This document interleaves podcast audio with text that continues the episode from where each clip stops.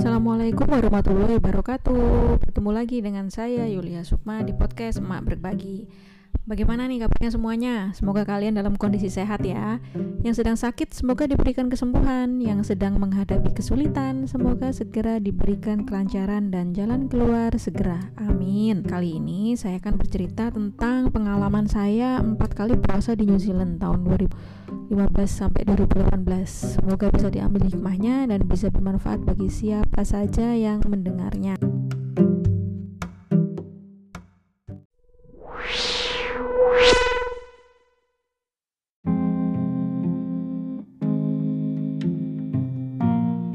puasa di New Zealand. Pengalaman puasa saya mulai tahun 2015 sampai 2018, empat kali puasa.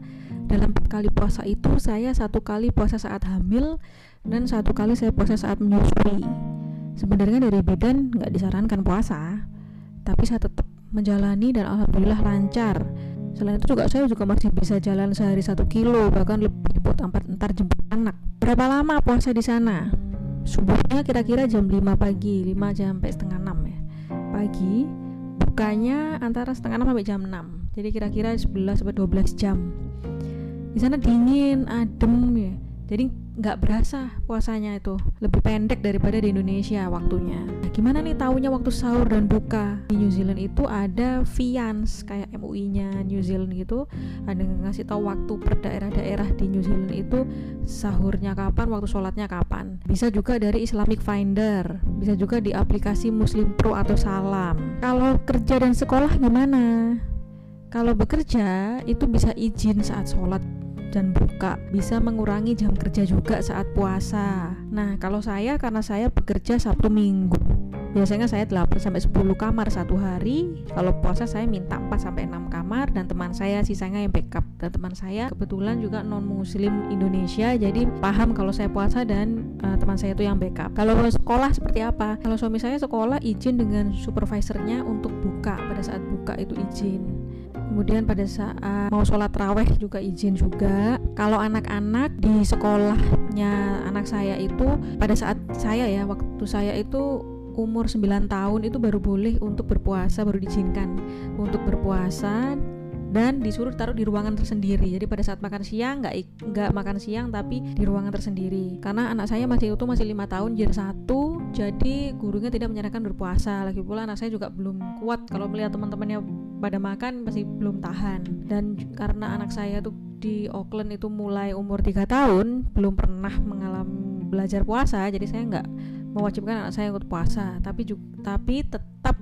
sahur dan buka ikut sholat taraweh juga ikut nah sholat taraweh di Auckland New Zealand itu saya pengalaman di tiga masjid ada masjid Ayuti, Ponsonbi dan Manukau juga di Humia ya perkumpulan umat muslim Indonesia Auckland di Masjid EUT, Ponsonbi dan Manukau dan di Umia juga ada buka puasa. Sama sini seperti di Indonesia. Buka puasanya di EUT itu setiap hari. Kalau di EUT buka puasanya itu satu nampan besar isinya nasi biryani apa nasi kebuli itu. Satu nampan tuh untuk 4 sampai 6 orang. Kita makannya bareng-bareng pakai tangan jadi yogurtnya acarnya dicampur semua pakai tangan. Kondisi bersih ya pakai tangan kita makan bareng-bareng. Kalau teman saya sudah sedia piring atau kayak tupperware gitu sama sendok garpunya sendiri. Jadi diambil ditaruh di piringnya terus dimakan. Kadang juga dibawa pulang nih nggak makan di situ. Sebelumnya juga ada takjil. Takjilnya buah sama kurma sama air putih. Kemudian di masjid Ponsonbi kalau di masjid Ponsonbi itu hanya hari Jumat. Kalau di EUT hampir setiap hari. Hanya hari Jumat makannya itu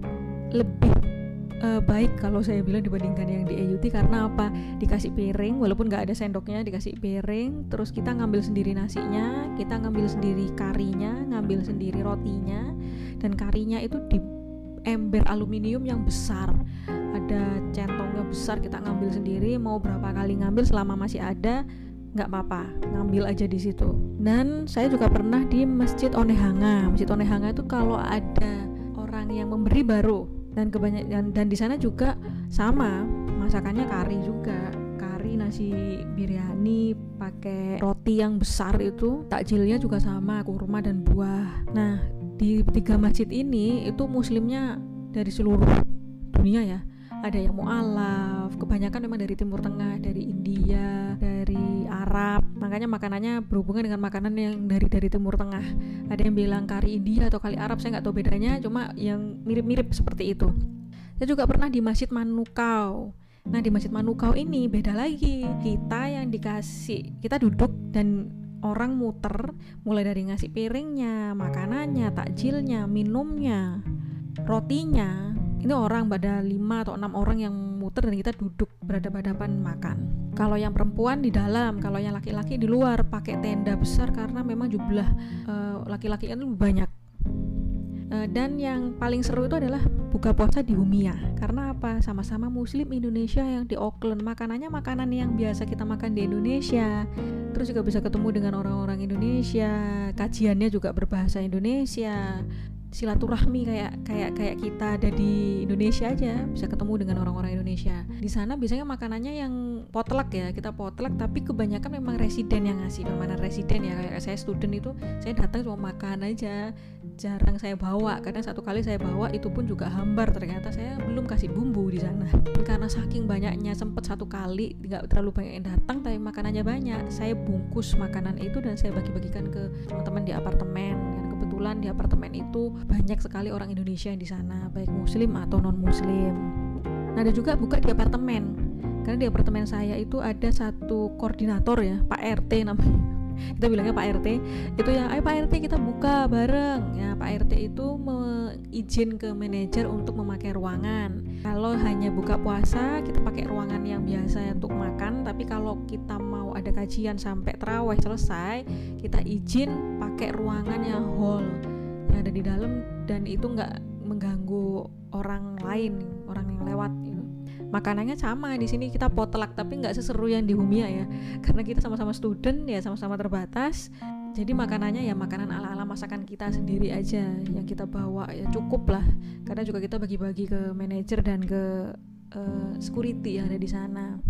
Kalau takjilnya gimana? Bisa bikin sendiri nggak? Kita bikin sendiri, nggak akan beli, nggak ada di sana. Buatnya biasanya kolak. Tapi saya yang belum pernah tahu tuh bikin kolang kaling karena belum belum pernah tahu dan belum pernah bikin. Garbis juga belum tahu saya nggak nggak nggak bikin juga. Biasanya cuma bikin es campur, dawet, gorengan juga buat sendiri.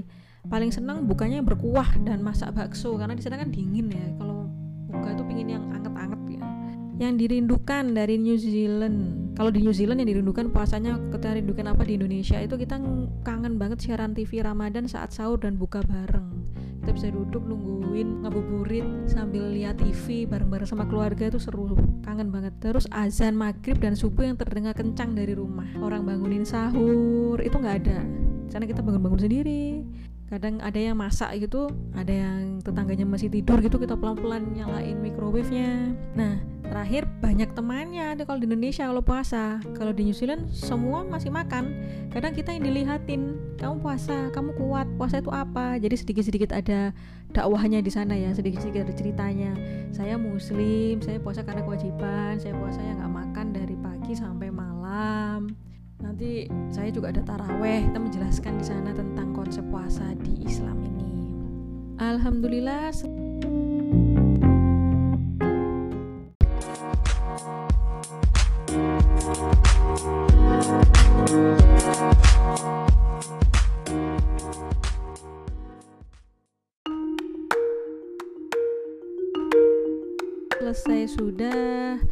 Cerita saya kali ini. Ambil hikmah yang bisa dipetik, ambil positifnya. Kalau ini menginspirasi, jangan lupa follow podcast Emak Berbagi ya.